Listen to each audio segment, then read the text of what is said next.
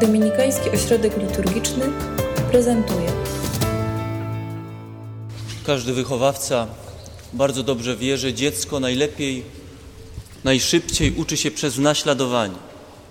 Tak samo każdy student wie, że trudną materię najlepiej przyswoić sobie na konkretnych przykładach. I podobnie, podobną metodę zastosował wobec nas Pan Bóg. Bóg, który ciągle od początku właśnie chce nas wychować, chce nas nauczyć miłości.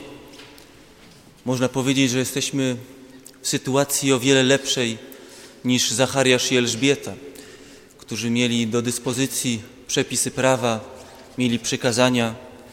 Czytamy w Ewangelii, że nienagannie je wypełniali.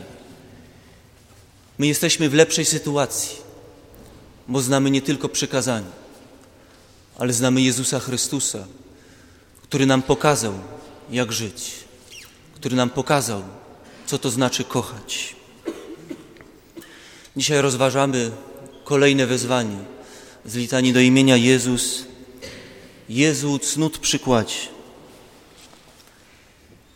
Myślę, że często patrzymy na Pana Jezusa właśnie jak tylko na Boga, jak na taki właśnie obrazek na ścianie, który trzeba czcić, który trzeba wielbić, właśnie Boga w tym obrazie.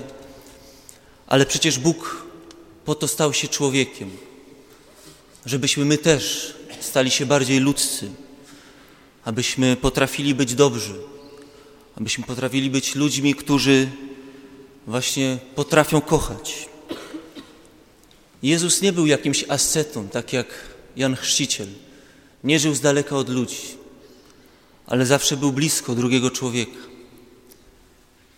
Bywał na weselach, bywał na pogrzebach, na pogrzebie Łazarza. Chodził do faryzeuszów na uczty, ale też siadał do stołu razem z celnikami i grzesznikami. Był blisko każdego człowieka, po to, żeby dla każdego człowieka być przykładem, jak żyć, jak żyć pełnią miłości. Jezus miał wiele cnót i to w stopniu doskonałym. I z pewnością też był sprawiedliwy wobec Boga, tak jak Zachariasz i Elżbieta.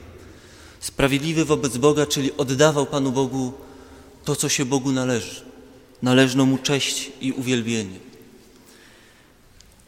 My to nazywamy cnotą religijności. Oddać Bogu to, co się Mu należy.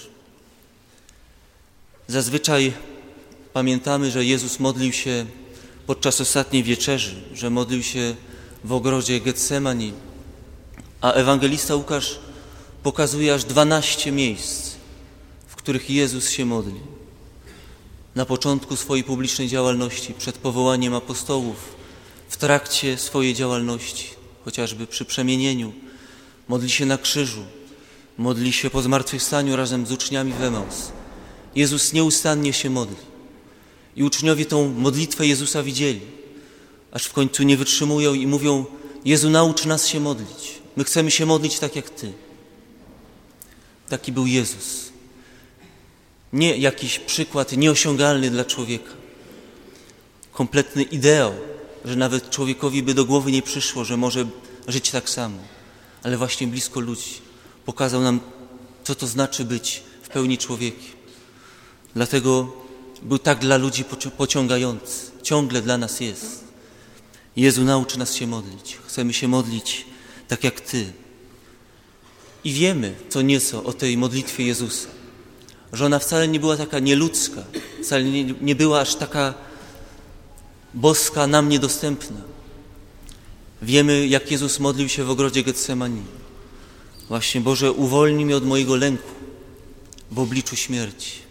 Ale modlił się też za swoich apostołów, aby stanowili jedno. Boże, spraw, aby stanowili jedno. Przecież taka modlitwa jest nam wszystkim dostępna. Też możemy Bogu powierzać swoje emocje.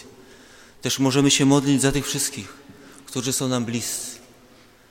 Jezus zawsze dodawał, bądź wola Twoja, zawsze szukał woli Boga. Czy to w Ojcze Nasz, czy to właśnie w Getsemani, w obliczu śmierci. Dzisiaj chcemy patrzeć na Jezusa, który nie jest tylko Bogiem, ale jest też człowiekiem chce nas tego człowieczeństwa nauczyć. Patrzmy na Jezusa nie tylko po to, żeby Go podziwiać, ale patrzmy na Niego jak na przykład, jak na tego, od którego możemy się nauczyć, jak być w pełni człowiekiem i jak kochać Boga i drugiego człowieka. Amen.